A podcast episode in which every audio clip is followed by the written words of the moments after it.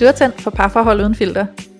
Jeg er Julie, jeg er seksolog, og jeg har specialiseret mig i tiltrækning, og hvorfor den vi tiltrækker aldrig er den forkerte, og hvordan vi kan bruge parforholdet til at forløse os selv og hinanden. Og jeg er Louise, jeg er selvværdscoach. Jeg hjælper kvinder med at give slip på usikkerheden, styrke deres selvværd og lære at tro på, de er gode nok. Og sammen tager vi filteret af parforholdet. Hej alle sammen, og hjerteligt velkommen til endnu et afsnit af Parforhold uden filter. I dag, der skal vi snakke om noget, som endnu en gang er kommet på opfordring af en af jeres skønne lyttere. Og øh, det er et ret hot emne, og øh, jeg kan afsløre, at det faktisk er et af de emner, der som oftest giver anledning til, at man ender i skilsmisse. Så øh, det er brandvarmt det her, og øh, virkelig vigtigt og super aktuelt for de fleste af os. Vi skal nemlig snakke om økonomi i parforholdet.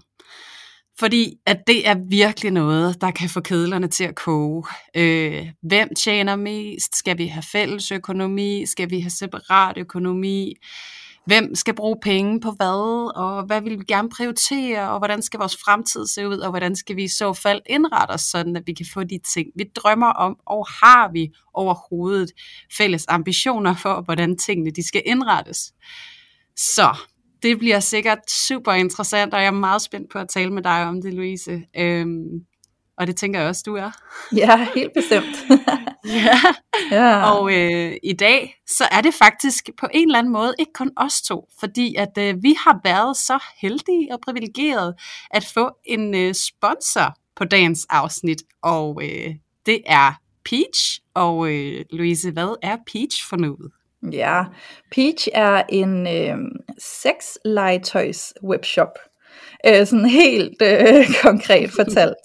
øh, men Peach er ikke bare sådan en regulær sexlegetøjshop, og det er faktisk det, jeg synes er ret fedt ved Peach, fordi at Peach, de har en, øh, en mission. De vil rigtig gerne ud og øh, sælge intim velvære, som de kalder det. Og det vil sige, at de har nogle, nogle sexlegetøj, som er flotte og lækre, og så slår de så rigtig meget på, at nydelse er altså ikke dårligere, bare fordi man giver det til sig selv. Nej. Og, og de vil rigtig gerne være med til ligesom at brede ud det her med, at det skal ikke være skamfuldt, at, at vi giver os selv nydelse, og at vi kan bruge sexlegetøj til det. Og at det både kan være dejligt og frigørende at udforske, udforske kroppens seksuelle muligheder, uden at være bundet til den her fortælling om, hvordan sex skal være. Og det synes jeg er mega fedt, fordi det er jo også nogle af de ting, vi slår os på. Det her med, at der er alle de her ide- idealer og normer og alt muligt andet, som vi kan føle os bundet til og føle, at det skal være på en specifik måde.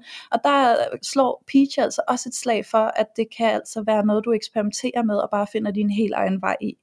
Øhm, og det kan du så gøre med deres rigtig lækre produkter som de har inde yeah. på deres hjemmeside. Ja.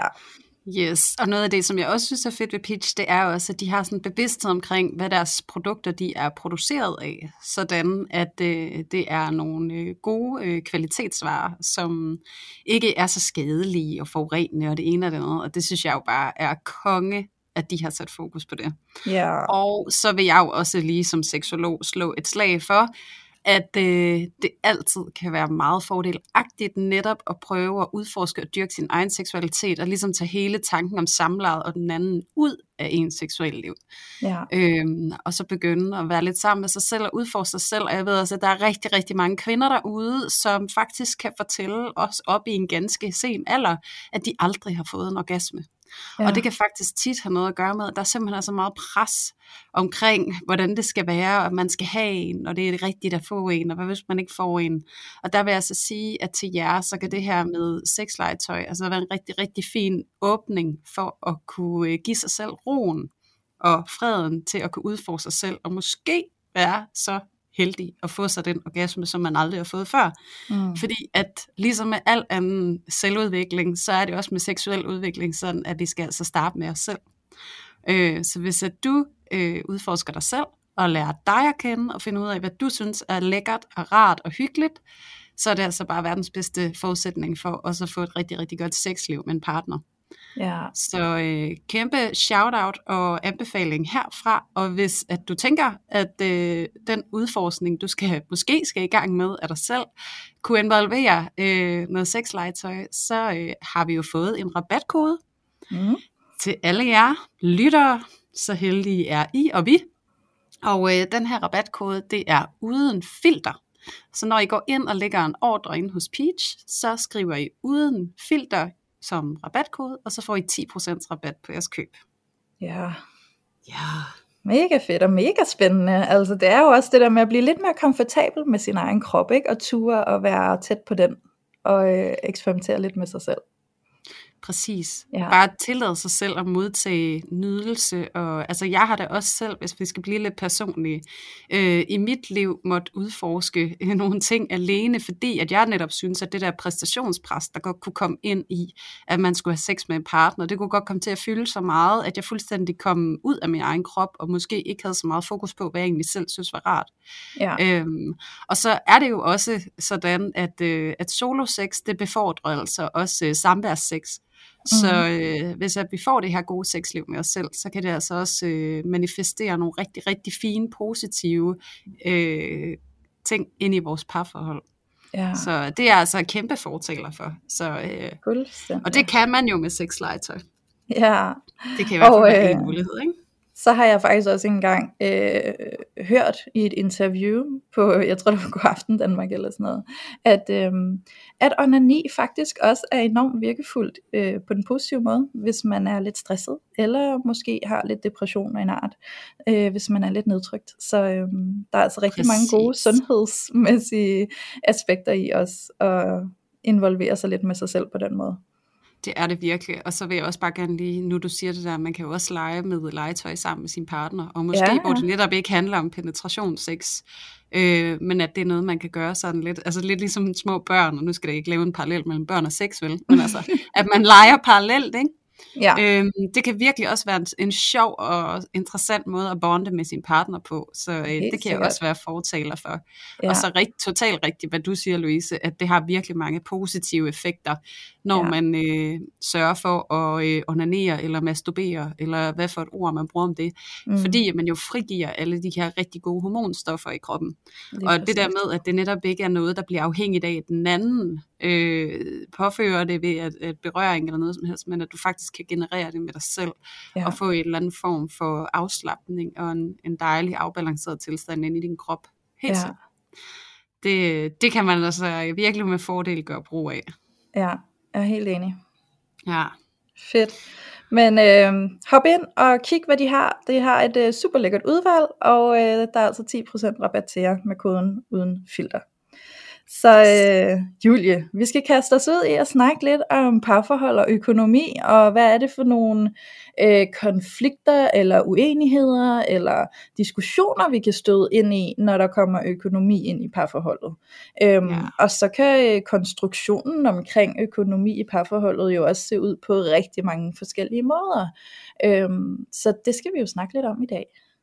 Det skal vi jo. Og jeg Ja. havde jo egentlig tænkt, altså øh, nu traditionen og vanen tro, så var det jo mig, der egentlig lavede den øh, allerførste intro til afsnittet.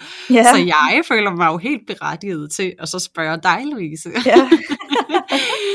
hvordan, øh, hvordan ser det her økonomi øh, ud øh, hos jer? Og du behøver selvfølgelig ikke gå i detaljer, og også bare lige for at understrege det samme. Økonomi er jo også ofte en, øh, en meget privat sag for mange. Ja. Men øh, sådan i grove træk, sådan, hvad, hvad, hvad havde du tænkt, at du ville tage med til det her afsnit? Mm.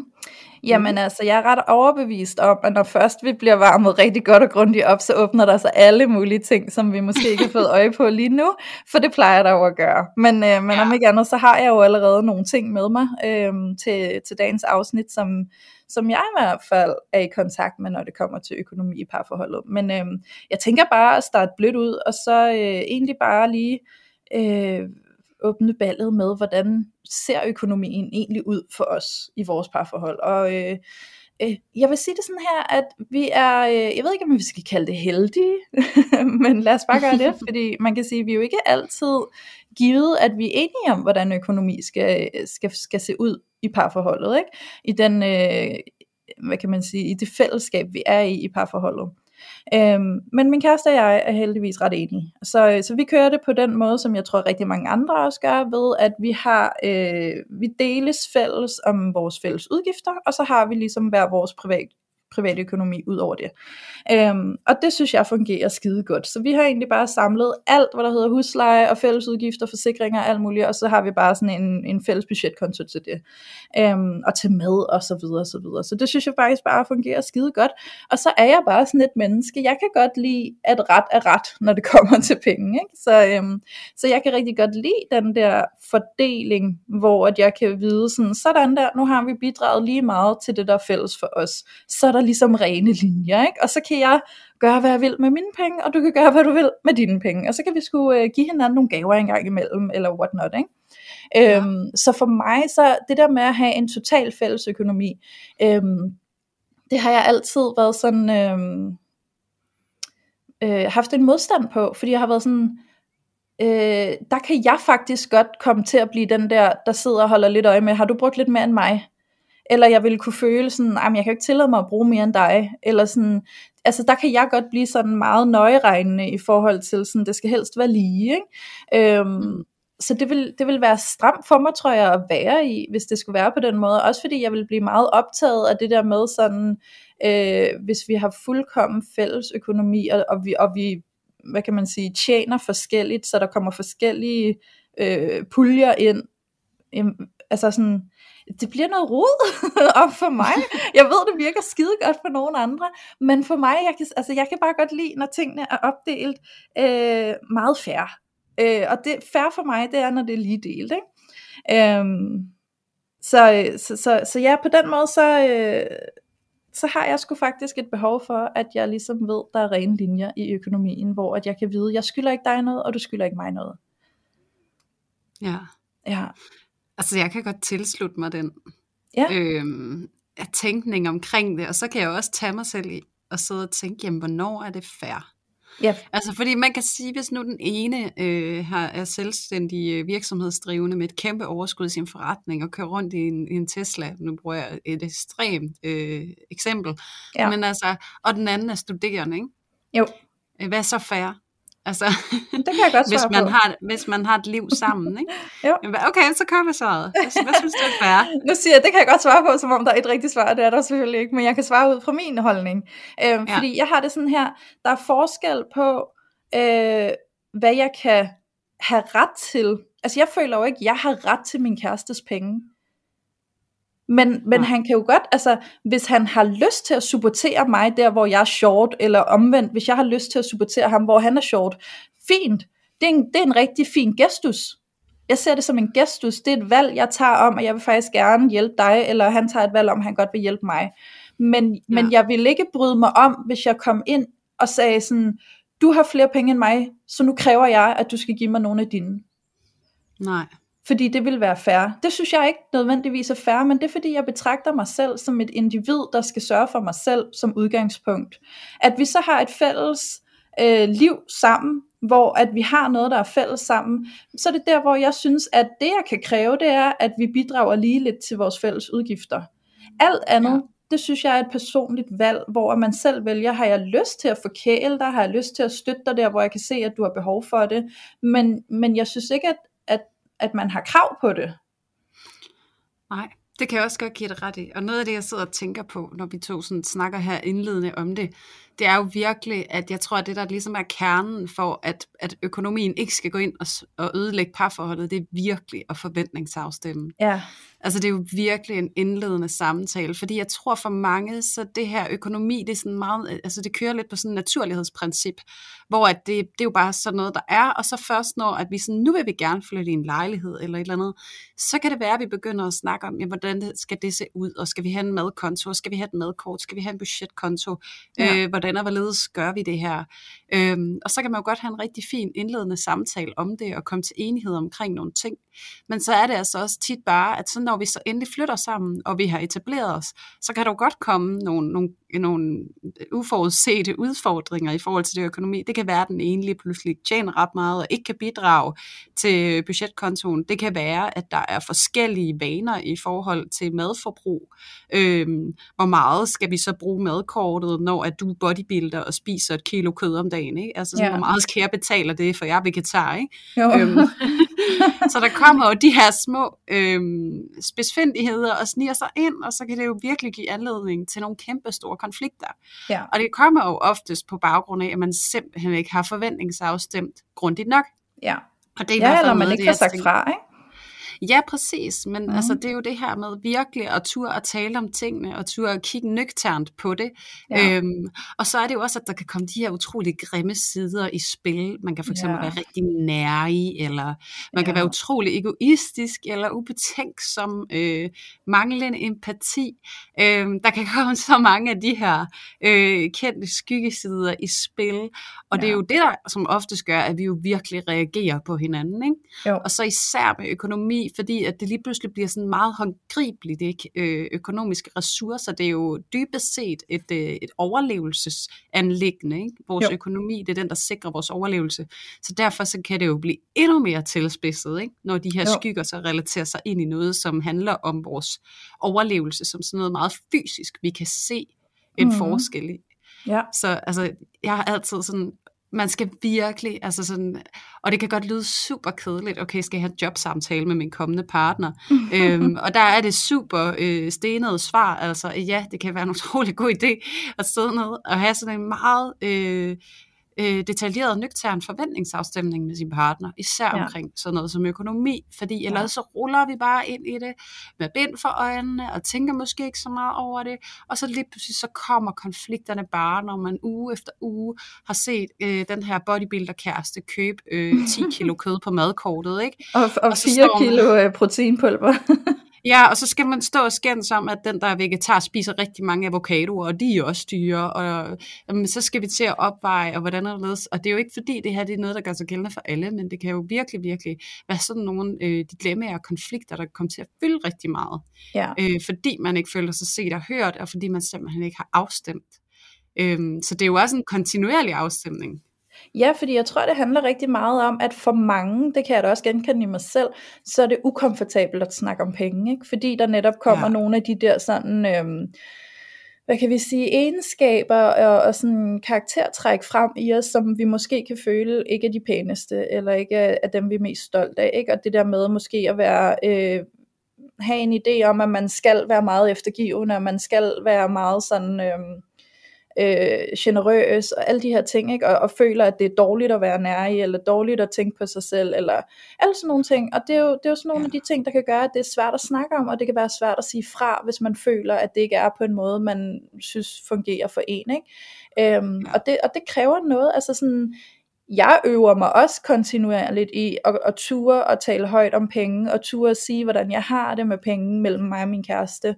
Øhm, eksempelvis sådan helt lavpraktisk, så sad jeg og kiggede på nettet, jeg ville gerne købe sådan nogle, øhm, sådan nogle barer og sådan nogle drikke på nettet.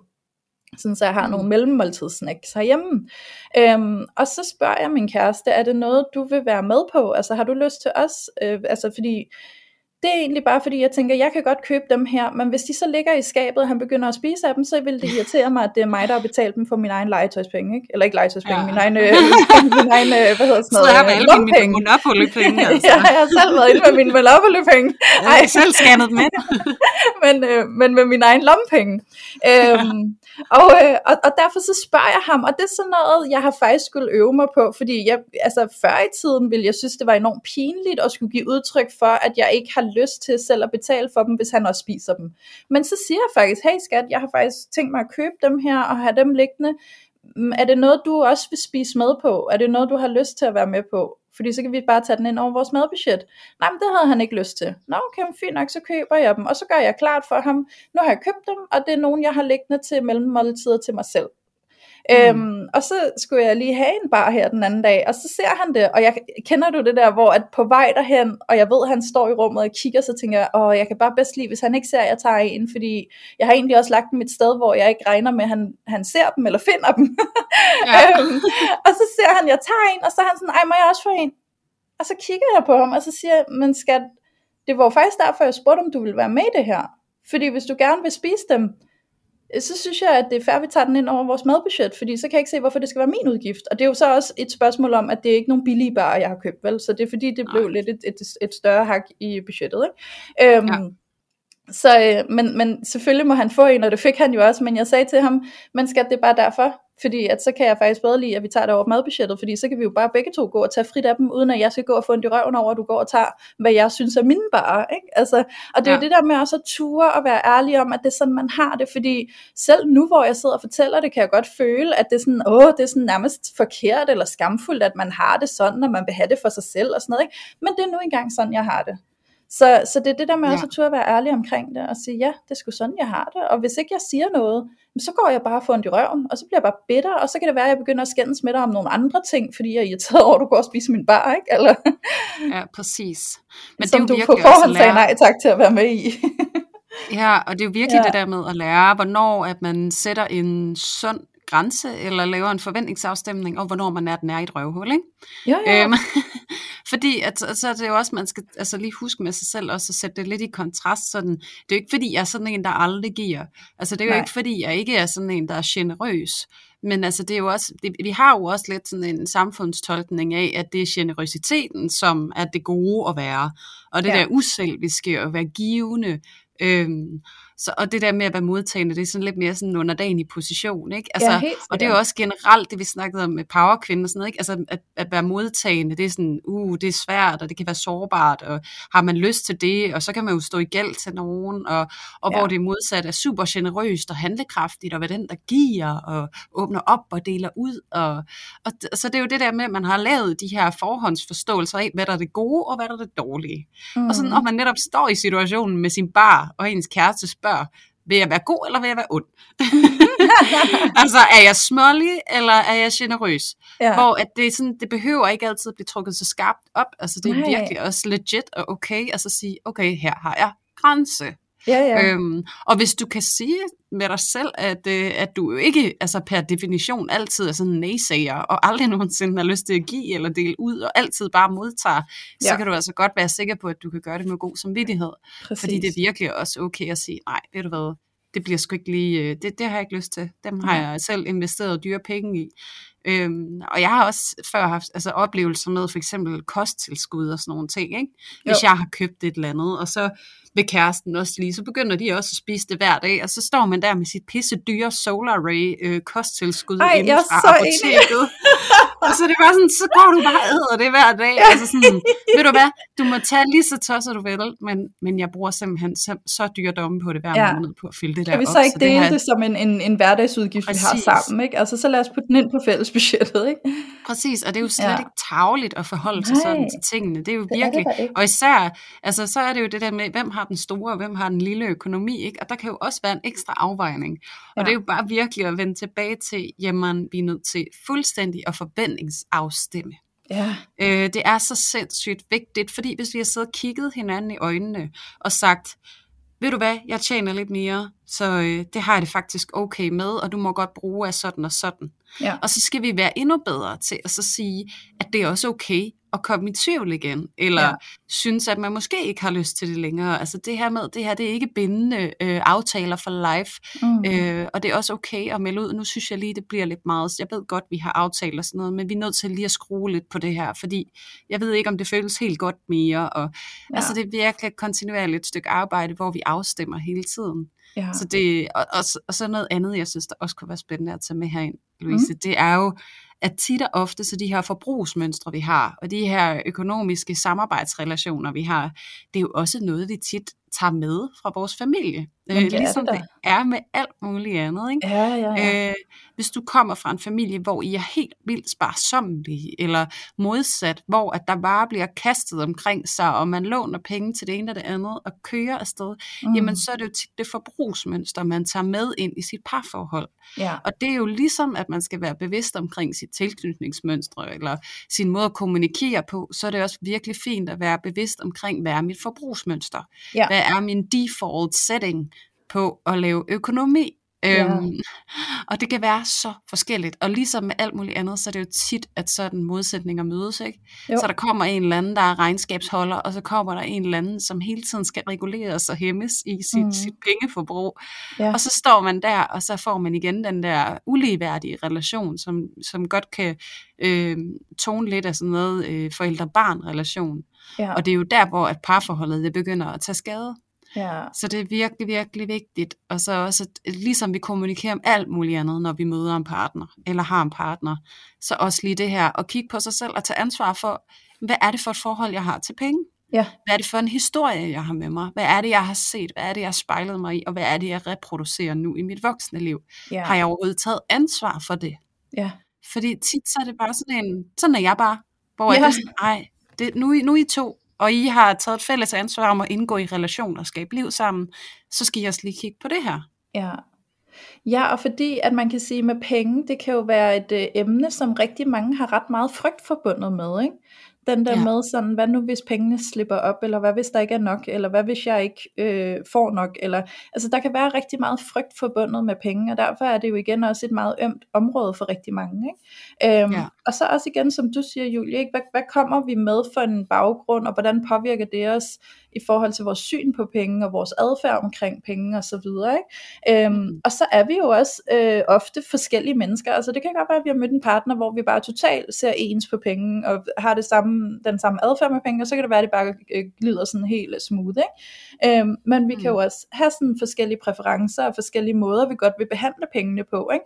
Og der kan jeg da eksempelvis for mig se, at og nu får jeg faktisk en lille smule lyst til måske at referere lidt til de her instinkter fra enagrammet. Ikke? Jeg er jo primær mm-hmm. i sexual instinktet, og det betyder, at øh, der, er sådan, øh, der kan godt komme sådan nogle passionsudsving, og sådan, skal leve livet, vi skal mærke livet og sådan noget. Ikke? Øhm, Ja.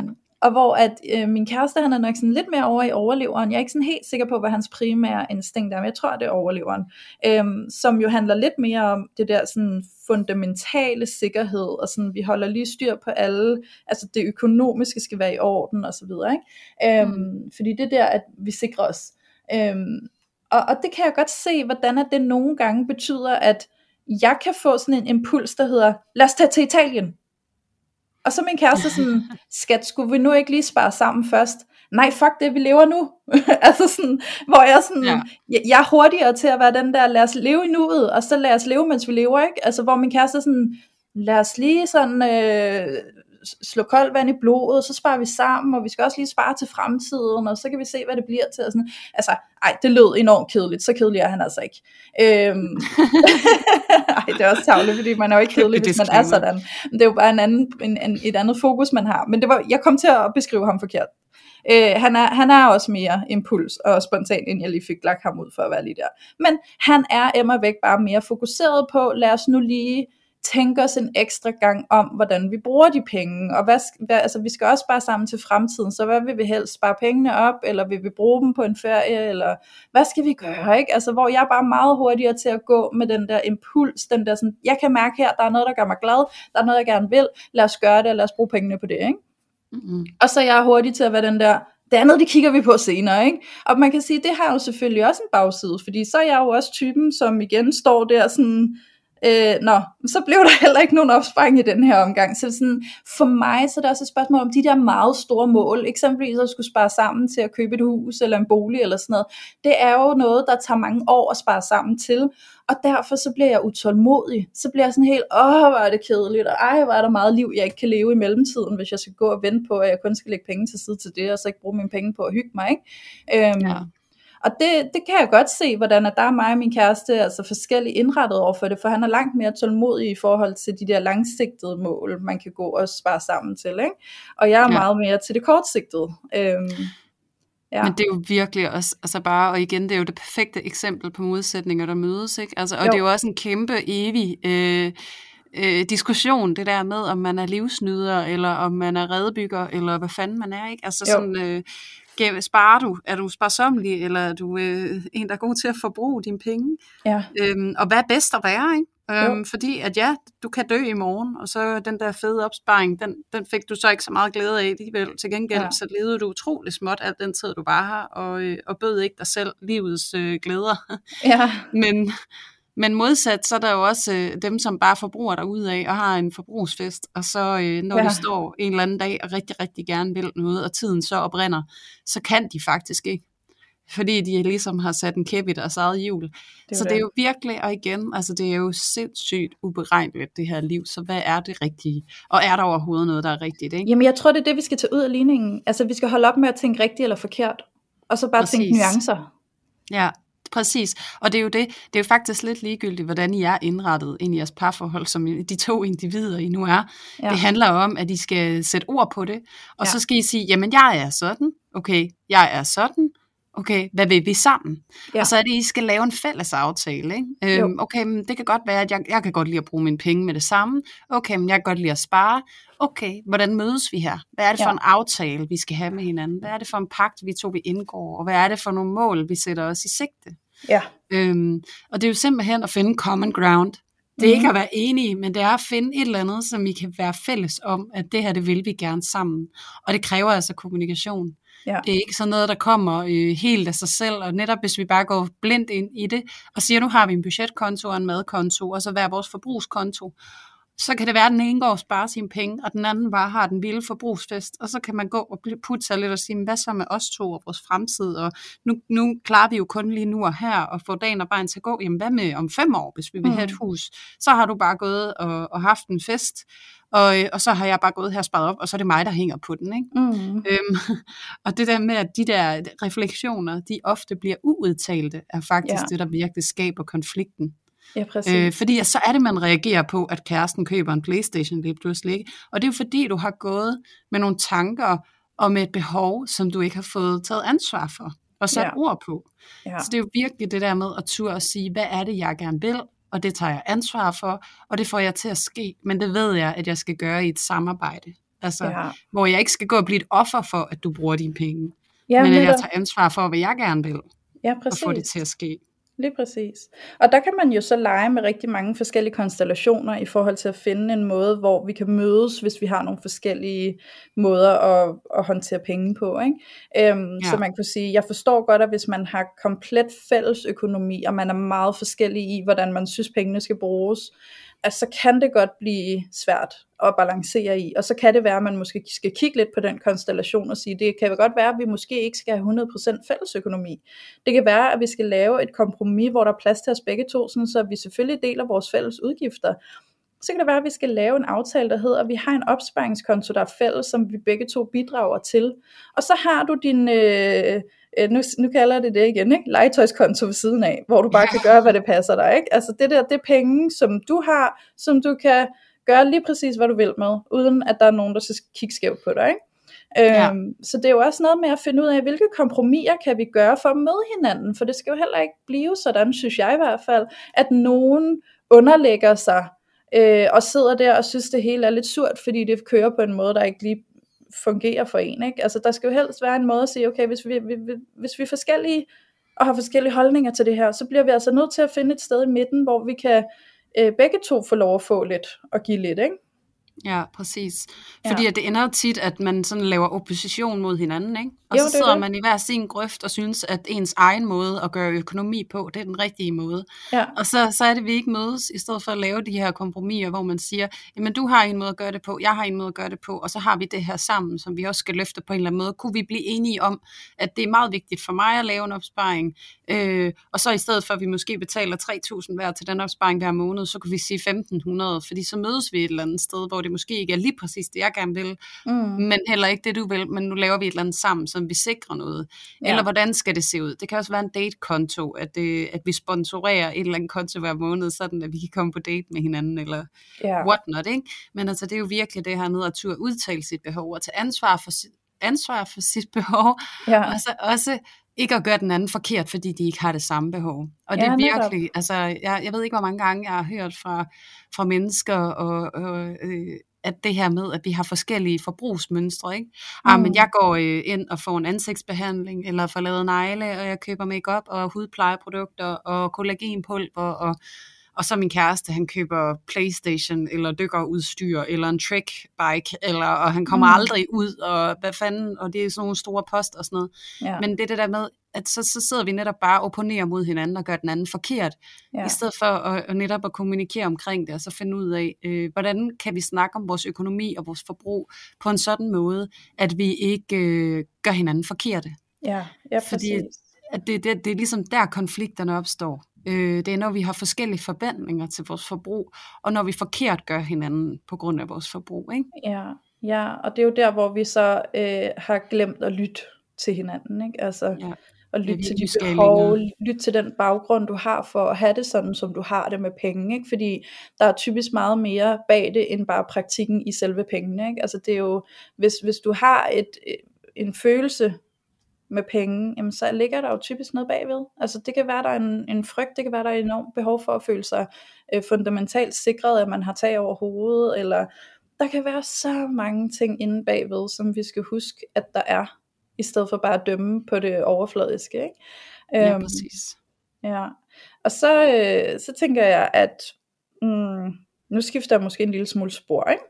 Mm-hmm. Men i forhold til det der med at have fælles økonomi, jeg kom bare sådan til at tænke på, at en af årsagerne til, at jeg faktisk heller ikke har lyst til at have fælles økonomi, det er, at så synes jeg ikke, at jeg kan forkæle min kæreste med gaver, eller med ophold, eller med ferier, som jeg ellers gør. Øhm, fordi så vil det jo også være hans penge, og jeg synes, det er mega flat at komme med en gave, som hans egen penge er blevet brugt til at betale. Ja. Øhm, og jeg ved ikke, hvordan at dem, der har fælles økonomi, de har det med det. Øhm, hvordan de ser på det, men for mig så er det den der med, når jeg giver min kæreste et ophold, eller en ferie, eller et eller andet stort, så er det sådan en, sådan virkelig en erklæring, sådan, nu bruger jeg en stor sum penge, fordi jeg godt vil virkelig øh, give dig en nice gave, ikke? Og det er sådan ja. noget, der både gør en stolthed i mig, og jeg bliver glad, det gør mig enormt glad, jeg elsker det, jeg kan godt lide at forkæle ham. Øhm, og det vil jeg, der vil jeg bare føle, at det, det, det er sådan, det formål, der ligger inde i mine følelser, når jeg kan forkæle ham på den måde, og vise sådan, se, det giver jeg dig, det ville gå fra, hvis det var noget, jeg betalte med vores fælles konto, for så ville jeg føle, så er det jo ikke længere mig, der giver det dig, så er det os, der giver det til dig og os, eller sådan. Ja. Øhm, så jeg synes egentlig også, det er meget rart, det der med, at jeg kan give ham gaver, som jeg giver for mine penge, og ikke for vores penge. Ja. Det kan jeg godt følge dig i, og jeg tror også, at, at langt hen ad vejen, så er jeg lidt øh, indrettet på samme måde, og så kan jeg heller ikke lade være med at sidde og tænke på, at det måske også har noget med kærlighedssprog at gøre. Ja. Øhm, noget med gaver. Øh, ja. Så det måske står lidt, øh, lidt højere på listen hos nogen, end det gør ved andre, så, så kunne jeg forestille mig, og det er en ren og skær hypotese, men at det kan have lidt mere betydning, det der med, at man føler, at man er giveren af gaven, ikke? Ja. Øh, hvorimod, at hvis det måske bare er altså, ekstremt fjern fra en, og igen heller ikke en del af ens forbrugsmønster som barn, altså det der med gaver og materialiteter og oplevelser og sådan noget, det ikke var en del af kærlighedsudvekslingen derhjemme, så kan det jo godt være, at man har et mere øh, tilbagelænet forhold til det, og ikke synes, at det er så væsentligt, øh, ja. hvorfra pengene kommer, men at vi får oplevelsen sammen. Ja. Øhm, så jeg tror også, der kan være nogle af de der ting, der spiller ind i forhold til, hvad man ligesom øh, kommer af.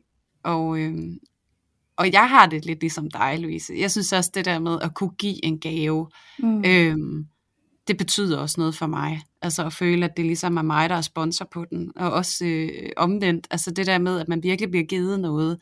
Øh, fordi, altså også på trods af, at man måske ikke selv har gjort en indsats for på nogen måde at kunne finansiere det, ikke? Altså så er det virkelig, altså det skinner igennem, ja. at det her det er bare en gave, og det er en altså for mig personligt en virkelig dejlig følelse. Jamen jeg tror det er fordi jeg føler at jeg viser ham, se jeg vælger, jeg vælger dig rigtig meget til. Jeg vælger at øh, bruge noget i mit budget på, at vi to vi skal have en oplevelse sammen. Ikke? Altså at altså sådan, ja ja, jeg ved ikke, det giver mig i hvert fald bare sindssygt meget glæde at kunne give ham sådan nogle oplevelser, eller ikke give ham dem, men give os dem, og, og sådan derinde i vise ham, hvor meget det betyder for mig, ikke? at jeg sådan er villig ja. til det, og at sådan, igen, som jeg siger, jeg, jeg kan virkelig mærke, at jeg bliver som sådan en lille pige. Jeg kan jo heller ikke, altså typisk er det jo sådan noget, jeg arrangerer, som skal være en overraskelse. Jeg kan jo ikke finde ud af at holde min kæft alligevel, vel? Fordi så, øh, så glæder jeg mig bare så meget til sådan at vise ham, se hvad vi skal, ikke? Altså, øhm, ja. Og der, der føler jeg bare, at der ville gå sådan lidt øhm, gas af ballonen, hvis det var vores fælles budget, jeg havde brugt på det. Fordi så føler jeg egentlig bare sådan, så er det jo ikke rigtigt fra mig af, vel? Eller sådan. Nej. Og det, og det, ja, igen, jeg kan rigtig godt følge dig, og noget af det, jeg så sidder lige nu og kommer til at tænke på, mens du snakker, mm. det er, at, øhm, at hvad så, når der så er ubalance i det, altså sådan, du giver noget til ham, men han giver aldrig noget til dig, mm. øhm, så kommer der jo lidt den der gamle klassiker, som hedder millimeterdemokratiet ind i ja. det, ikke? altså ja. at, at, at det skal gå begge veje. Ja, ja. Øhm, og der kan jeg da i hvert fald også som personlig deling øh, tabe ind i, at det kan være rigtig svært at være i et parforhold, hvor at man er den, der har styr på økonomien, og den anden bare har en forbrugsfest.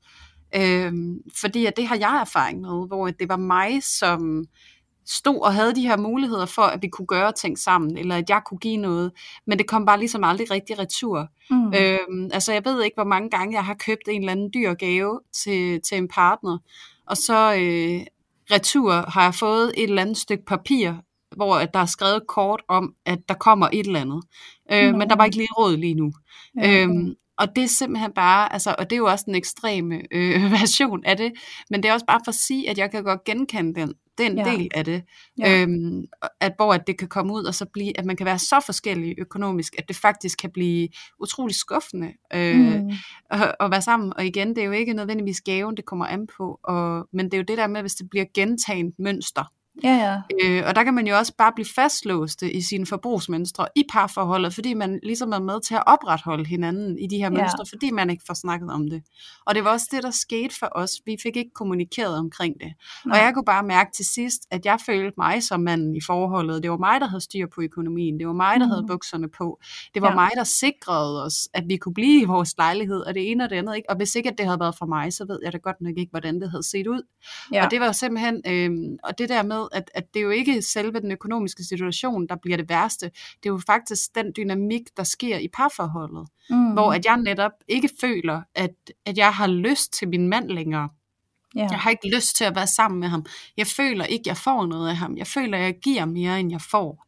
Yeah. Øhm, og der var selvfølgelig, skal jeg skynde mig at sige, også alle mulige andre dynamikker, som var med inde, og så bestyrke den følelse inde i mig. Men mm. bare for at sige, at det kan virkelig, altså få de der rigtig store konsekvenser i parforholdet, hvis det ja. er, vi ikke snakker om det. Og, og jeg tror for mig, så var der sådan en i, jeg havde ikke lyst til at snakke om, at jeg følte, at jeg var den, der skulle holde taget. Altså jeg følte virkelig, at jeg stod med, du ved, armene op over hovedet, øh, og holdt loftet op over os, ikke? Jo. Øh, sådan i overført betydning. Og, og jeg, jeg følte på en eller anden måde, hvis jeg siger det her, så bliver det så sandt, at det er mig, der gør det. Mm. Så jeg gik måske i sådan en eller anden en eller anden naiv forhåbning om, at det vil forandre sig.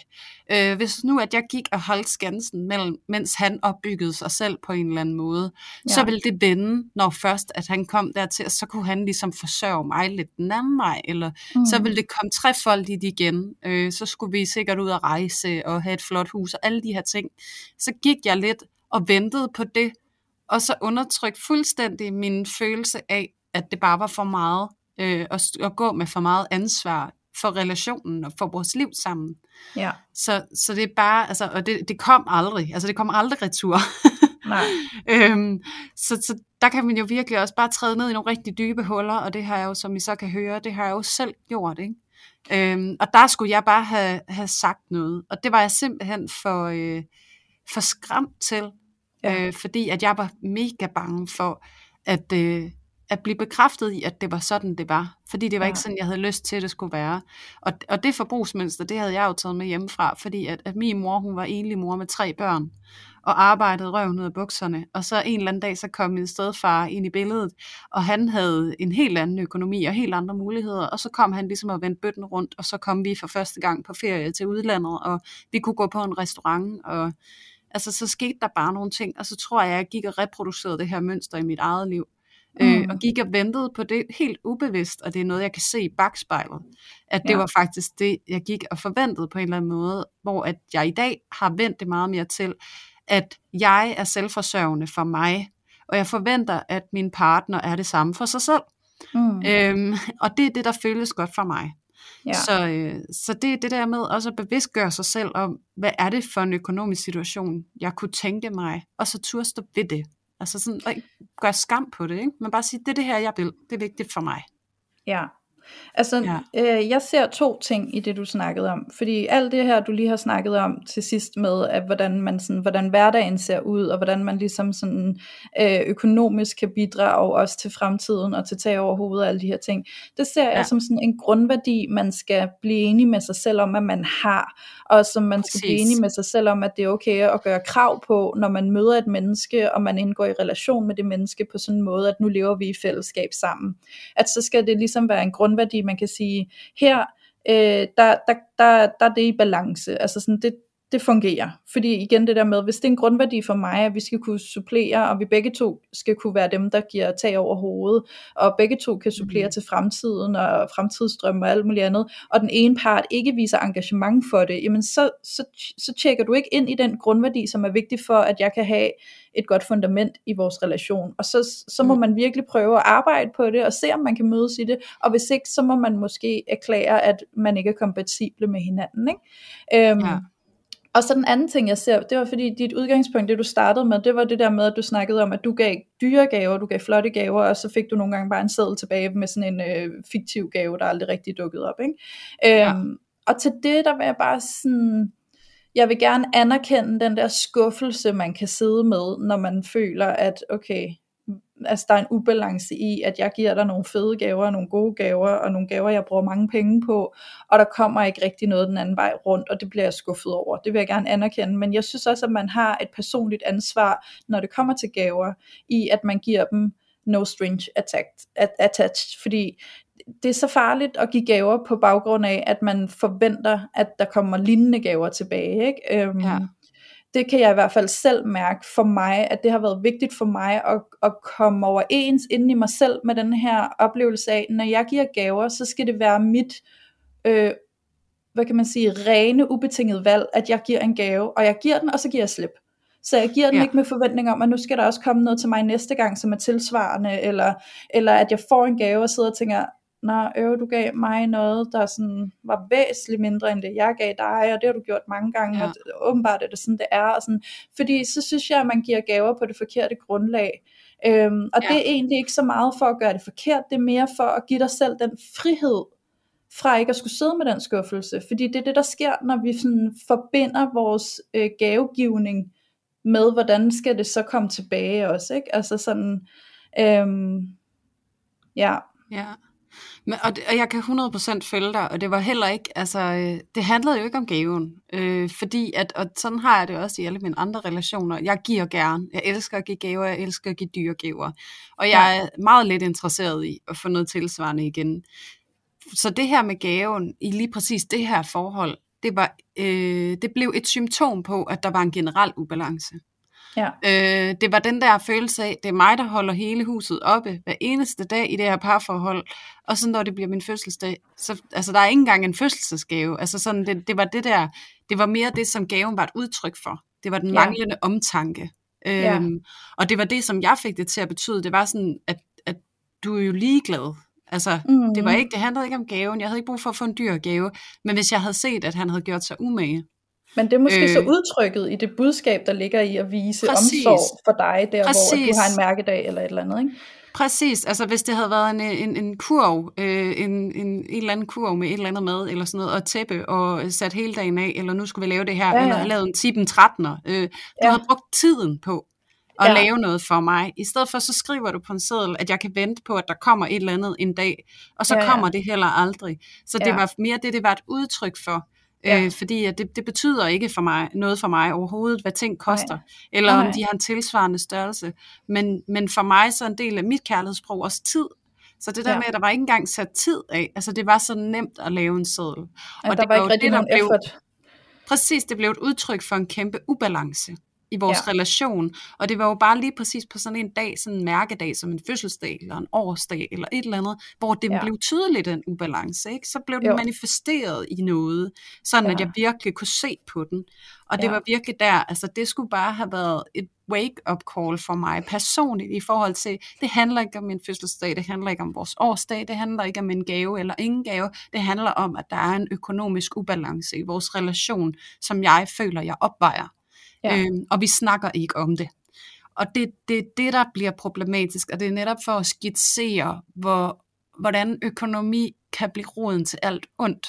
Mm. Og at det her med, det er så vigtigt, når vi registrerer det, og det kan være, det er på fødselsdagen, når vi sidder med en eller anden gave, at så kommer vi i kontakt med det der, vi går og undertrykker hver eneste dag som ja. ikke føles okay. Så det ja. der med at turde at registrere, hvad er det, jeg mærker omkring det her, og også når det gælder økonomi. Og så mm. prøve at gøre op med den der dikotomi med, at enten så er du den glade giver, eller så er du nær i skiderik. Altså, ja. der er mere end de to muligheder. Der er ja. det der med, der er også det der element af at være integritet med sig selv, og som du siger, Louise, og bare have det som nogle grundværdier, Ja. hvordan at man vil være sammen med andre mennesker på et ligeværdigt grundlag, hvor at Mm. be- man kan mærke, at begge to bidrager på hver deres måde. Jeg har det også personligt sådan, hvis jeg er i et parforhold, og han tjener meget mere end mig, så er det helt fint med mig, at han betaler mere end jeg gør. Men så er det Mm. også tilsvarende vigtigt for mig, at jeg føler, at jeg bidrager på min Mm. måde. Ja. Så det er det der med, at vi skal bidrage på hver vores måde, på, Ja. på en eller anden måde, så vi føler, at det går op i en højere enhed. Og om det så er økonomisk, eller hvad det er, det er vigtigt. Ja, fordi det er jo sådan, som du siger, at jeg bidrager på min egen måde, hvis han bidrager øh, med flest penge til husholdningen. Ikke? Øh, fordi Ja. det, er jo, det er jo sådan noget, som øh, også er et aspekt i det hele, som jeg tror nogle gange bliver overset. Det her med, at det kan godt være, at den ene part måske lægger flest penge på bordet, men så kunne det måske være, at den anden part faktisk bidrager med rigtig meget praktik eller børne, øh, altså sådan tager sig mest af børnene, eller er mest sammen med børnene, og tillader den anden at være mere på arbejde, eller at der bliver betalt med noget andet end penge.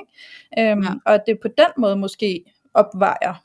Øh, og det synes jeg egentlig er ret interessant, og noget som øh, jeg hørte om på et tidspunkt i forhold til fællesøkonomi, hvor jeg var sådan lidt mm, om fællesøkonomi, og hvad så, og så bliver der, og så, men den ene tjener mere end den anden, og så går det jo ikke lige op, og bum bum bum, ikke? Og så blev jeg sådan øh, introduceret for det her med sådan, nå jo, men jeg tager mig bare mere af børnene, og mens han arbejder og tjener de penge, og sådan nogle ting, ikke? Og hvor jeg sådan, nå ja, der er måske nogle andre ting i spil, som jo opvejer, som jeg ikke havde tænkt over. Øh, hvor jeg godt kunne se, sådan på den måde kan jeg godt se, hvordan, at det også er et aspekt til at se balancen i det. Øh, jeg er stadig ikke der, hvor fællesøkonomi er min ønskede løsning, men jeg kan bare godt se, at værdien kan være andet end valuta. Ikke? Præcis. Ja. Ja, fordi det er jo det, og det er jo måske det, der er den, er den væsentligste snak også i det her afsnit, det er det der med, at det er virkelig, virkelig vigtigt, at vi begge to føler, at vi tilfører værdi, og også at vi kan mærke, at den anden gør det. Ja. Øhm, altså fordi, at så, så behøver det ikke nødvendigvis handle så meget om penge og sådan noget, men det er der, altså det er tit med økonomien, fordi det også bliver så fysisk på en eller anden måde, ikke? Altså, Ja. det er penge, det kan vi virkelig måle og veje, og Ja. hvis der er en ubalance der, så bliver den bare så tydelig. Så det er virkelig, virkelig vigtigt, at vi får kommunikeret omkring det. Og der kan jo også være, og det kunne vi næsten lave et helt afsnit om i sig selv, Louise, altså der kan være så meget identitet forbundet med penge. Altså Ja, det hvis man der. kommer fra et hjem, hvor far har været provider, og han har tjent masser af penge, øh, hvilket har været tilfældet for mange, især mænd, Øhm, fordi det jo stadigvæk er noget, der er ved at blive udfaset øh, i vores generation, det her med, at der er den her store forskel på mænd og kvinder i forhold til arbejde og indkomst. Men hvis at det er, at man kommer som mand fra sådan et hjem, så kan der være utrolig meget identitet forbundet med at være den, der provider. Ja. Øh, og der kan være et utroligt stort identitetstab på den Mhm. måde, hvis det er, at man føler, at man ikke er det. Og det Ja. kan jo også skabe kæmpe meget konflikt, hvis hun tjener mere end mig, eller sådan noget. Ikke? Og Jo. det er jo ikke fordi, det, det i og for sig er det, der er problemet, men det er et spørgsmål om, hvad man får det til at betyde om en selv, Ja. at hun gør det. At Ja. ikke at kunne stå i det. Og det er jo det, som økonomi det kan gøre ved os. Det kan virkelig gå ind og trykke på nogle af vores knapper, og gøre os så sindssygt sårbare over Ja. for hinanden. Øhm, og så bliver det jo kæmpe skænderier og konflikter, øh, som desværre tit ender i brud. Som sagt, det er virkelig en kæmpe hyppig skilsmisseårsag, det her Mm. øh, økonomiske spørgsmål, hvordan vi Ja. skal håndtere det sammen. Så det er så værdifuldt at turde Ja. kigge på de her ting.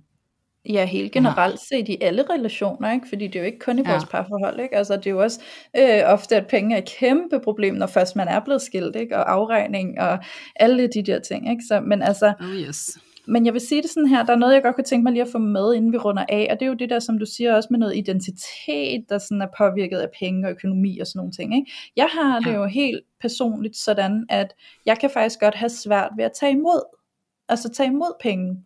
Øhm, og det er der sikkert mange forskellige forklaringer på, øh, men nu vil jeg prøve lige at holde det kort.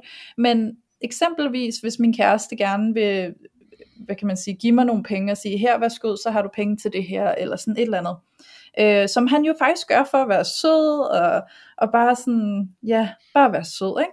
Jamen så kan jeg jo faktisk ja. have det rigtig svært ved at tage imod, fordi så føler jeg lige pludselig, at jeg står i gæld til ham, og ikke står i gæld til ham sådan money-wise, altså at jeg skal betale pengene tilbage, men så føler jeg ligesom, at personlighedsmæssigt, så har jeg ikke den samme frihed til bare at være mig, og sætte de grænser, jeg vil sætte, og øh, så videre, så videre. Fordi jeg føler, at hov, nu fik du noget magt over mig, fordi du har givet mm. mig nogle penge. Altså jeg føler mig købt på en måde, ikke? Øhm, ja. Og jeg ved godt, det ikke er det, der sker, men det er, sådan, det er det, der sker inde i mig. Og det kan jeg have det svært med. Så det har sådan også været en øvelse for mig at forstå, at jeg godt kan tage imod penge, uden at stå i personlig sådan adfærdsgæld, eller hvad man skal kalde det.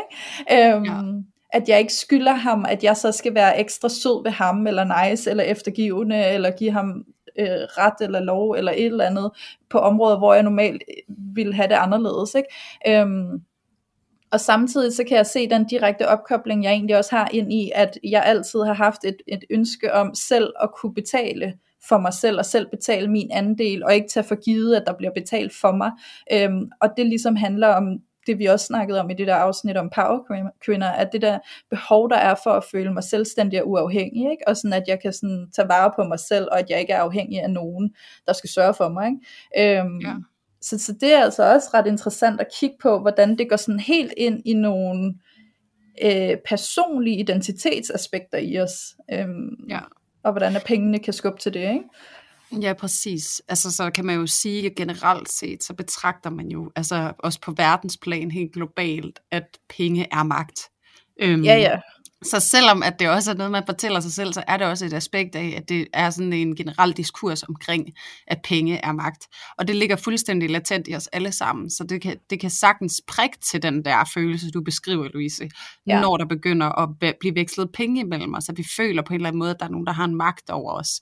Ja. Øhm, og det sjove var, at du sad og fortalte, så kan jeg til tænke på, når min kæreste, han for eksempel har inviteret mig på øh, øh, Vejle Fjord, eller sådan noget, ikke? Altså, så, mm. så kan der også komme sådan en følelse af, åh, nu har du givet, og du bruger penge, og så skal vi jo også hygge os, og sådan noget. Altså, ja. sådan, det der med, at man netop skal give noget igen, og man ja. har måske ikke den der økonomiske kapital til at kunne modregne på en eller anden måde, eller give en tilsvarende oplevelse. Men hvad er det så for en, en slags måde, vi føler, vi skal modregne på? Mm. Øh, der er mm. mange former for valuta, og det er jo det der med, at, at det kommer jo også af det der sted, som vi snakkede om øh, i afsnittet om powerkvinder, det sted, hvor vi er bange for at modtage. Øh, ja. Vi føler, at tit og ofte desværre, at alting det skal være en ligeværdig udveksling. Mm. Øhm, hvor at, at vi virkelig også skal tillade os selv at modtage, og det, det synes synes jeg også bare er sådan et fint aspekt at få med ind i det her afsnit, øh, at vi skal blive bedre til også at modtage, fordi det er også noget af det, der kan skabe så utrolig meget konflikt, det er hvis, at der er en, der bruger mere eller mindre, så kan vi stå og føle os øh, uligevægtige på den anden side, som om, at ja. vi skal give et eller andet igen, og det ja. kan skabe en kæmpe ambivalens, jeg beder jo dig jo ikke om at gøre det her, og så gør du det bare selv, og nu står jeg her sådan her, ikke? ja. øhm, det, det kan også være sådan en offerposition, man kan indtage, hvor at det virkelig ja. bliver så sindssygt vigtigt at lige turde kigge på sig selv og se, hvad er det, det gør ved mig, Ja. Hvad er det, jeg, jeg ople- hvordan er det, jeg oplever mig selv i den her sammenhæng, som gør, ja. at jeg reagerer så voldsomt, ikke? Jo, præcis. Fordi det er bare følelser. Altså, det kan ja. godt være, det er penge, men det er jo følelser, som det dybest set Det er nemlig følelser. Ellers havde der jo ikke været ja. en reaktion. men, Nej, øh, præcis. Men jeg tænker, at det er jo det der, du siger nu med at, at modtage, ikke? Altså, det er jo lige så meget det her med, at vi skal kunne give gaver øh, ja. frit og ubetinget. Øh, lige så vel skal vi også kunne tage imod gaver frit og ubetinget. Ikke? Så vi giver en gave, ja. giver slip, værsgo, jeg havde bare lyst til at give dig en gave, jeg forventer ikke noget. Og vi tager imod ja. en gave på samme måde, ikke? og siger tak, det var sødt af dig, jeg har fået en gave, der er ikke flere forventninger, jeg giver slip her. Ikke? Altså, øhm, ja. Øh, og så altså, den sidste ting, jeg lige vil knytte med, fordi jeg blev inspireret af noget af det, du sagde, Julie, ikke? det er jo også, at man skal passe på, at man ikke er den der, der betaler og giver og alt muligt øh, på egen regning i princippet, og så lige pludselig får et flip, der hedder, nu har jeg gået og sørget for dig, og nu har jeg betalt, og så er du bare skide utaknemmelig, og bla bla bla bla bla. Altså den der med sådan, der var ikke nogen aftale, vi har ikke forventningsafstemt, der var ikke et eller andet mm-hmm. her, hvor vi havde aftalt, at, at vi lavede kompromis, hvor du sørgede for mig, eller et eller andet, men du har selv mm. valgfrit gjort det, og nu bebrejder du mig så for, at jeg ikke lever op til en eller anden forventning, du havde om, hvad der skulle komme tilbage af, at du gik og forsørgede mig, eller sørgede Præcis. for mig, eller forkælede mig, eller hvad du gjorde. Ikke? Altså, og det er jo også noget, man skal passe på med. Ikke? Det kan også blive enormt destruktivt. Ja, du må ikke holde regnskab. Altså Ej, hvis du giver, så giver du. Og hvis du ja. kan mærke en eller anden dag, at der er nogle følelser forbundet med, at du føler, at du har givet, og måske givet mere, end du vil, eller der er sket noget, der har gjort, at du har fortrudt, at du har givet så meget, så skal du tage ansvar for det. For det var dig, ja, der gjorde ja. det. Du kan ja. ikke stille den anden til ansvar for din måde at forbruge på. Øhm, og det er måske en rigtig fin måde at runde af på det der med, at vi står altså tilbage med ansvaret for os selv, uanset ja. hvordan det ser ud, fordi at vi har sagt ja. Så, ja. så derfor så er situationen, som den er for os. Og jeg kan jo sige, som en, der har givet rigtig meget, og en, der har forsørget rigtig meget, at, øh, at det tager jeg også ansvaret for, at jeg tillod ja. det. Ja. Øh, det var ikke noget, der blev gjort mod mig. Øh, og igen, vi havde hver vores forbrugsmønster, øh, og han gjorde bare det, der var mest naturligt for ham, og det samme gjorde jeg, og så clashede vi, og det var ikke øh, udelukkende hans eller min skyld, det var simpelthen noget, vi sammenskabte. Men ja. måden, jeg var i det på, var mit ansvar, og tilsvarende var måden, han var det på, hans ansvar. Ikke? Og så må man jo rydde op, når man opdager det. Øh, man skal bestemt ikke stille den anden ansvarlig for, at de har misbrugt ens gode tillid eller et eller andet, fordi det, er, det, det, er, det skal man altså selv stå til regnskab for. Ja, og det er jo ikke sikkert, de har misbrugt det. Det kan også bare være, at de Nej, har stået naivt i det, ikke? Altså, eller, ja, ja, eller, eller været gode til at være modtagende. Ja, ja. ja. Og, det, og så har man jo givet, ikke? Altså igen, man, der er altid nogen, der tillader noget. Igen, der er ikke nogen, ja. der kan gøre noget mod dig. Du kan tillade, at nogen gør noget mod dig. Så, øh, Ja. Og det kan du gøre bevidst eller ubevidst. Ikke? Det behøver jo. ikke være en bevidst handling, at man, nu giver jeg dig tilladelse til at bruge mine penge. Ikke? Altså, det Nej. kan være, at du bare har gjort det, og så har du ikke tænkt mere over det, og så har du bare gået, ligesom jeg selv gjorde, naivt og håbet, at det ville komme lidt retur. Ja. og så står man bare og føler sig totalt dum øh, på ja. sit blege ansigt, når der bare ikke sker en skid, ikke? og man går derfra endnu mere tomhændet, end man gik derind. Ja. Så, øh, så det, den må jeg skulle selv sluge, ikke? Det, det var mit ansvar. Så det er også bare en kæmpe opfordring til jer, der lytter med derude. Hvis I sidder og føler jer forurettet, øh, så er I simpelthen nødt til lige at, at kigge ind af, og så tage et aktivt valg om, hvad I vil være med til, og hvad I ikke vil være med til. Ja. Og så må I få kommunikeret det øh, på en ansvarlig måde, hvor I taler Præcis. fra jer selv, og ikke om den anden. Ikke? Jo, fordi du har nok overskrevet ja. nogle af dine egne grænser, og du har selv overskrevet dem, ikke? Enten ved ikke at sige fordi fra, du ikke vil være der, eller et eller andet. Ja, et eller andet, ikke? Ja, det er jo ja. det, vi skal få øje på. Præcis. Ja, okay, så øh, jo. tænker jeg, at vi skal runde af, Julie. Øhm, ja, det skal vi. Ja, det blev faktisk rigtig godt. Men jeg tænker, ja. at øh, nu med al den her snak om penge og økonomi og forbrug og så videre, så øh, kan det jo være, at der sidder nogen af jer derude, der tænker, skulle vi ikke tage at bruge nogle penge? Og så kan jeg jo gå ind på øh, peach.dk og købe noget øh, sexlegetøj, enten til at eksperimentere med jer selv, eller til at eksperimentere med jeres partner. Øh, der er som sagt 10% rabat på jeres ordre derinde, når I bruger vores kode, der hedder uden filter. Ja, så man kan sige, det godt være, at I bruger penge, men I er også lidt økonomisk bevidste, fordi I får jo rabat, ikke? Så, ja, og det er også en investering, ikke? Det er en investering i os selv og vores sexliv og vores nydelse. Præcis. Præcis. Altså det er ikke den værste investering, man kan lave. Det er måske også nogle investeringer, jeg selv kunne drømme om, jeg havde gjort mig tidligere i mit liv. Ja. så kunne det være, at jeg havde været lidt øh, bedre hjulpet og haft adgang til lidt bedre sex senere, tidligere i mit liv, end jeg havde. Ja. Øhm, så øh, lige en lille anbefaling igen herfra. Og øhm, til alle jer, som lytter med, tusind, tusind tak til jer, som allerede har været inde og giver stjerner og anmeldelser inde på Apple Podcast.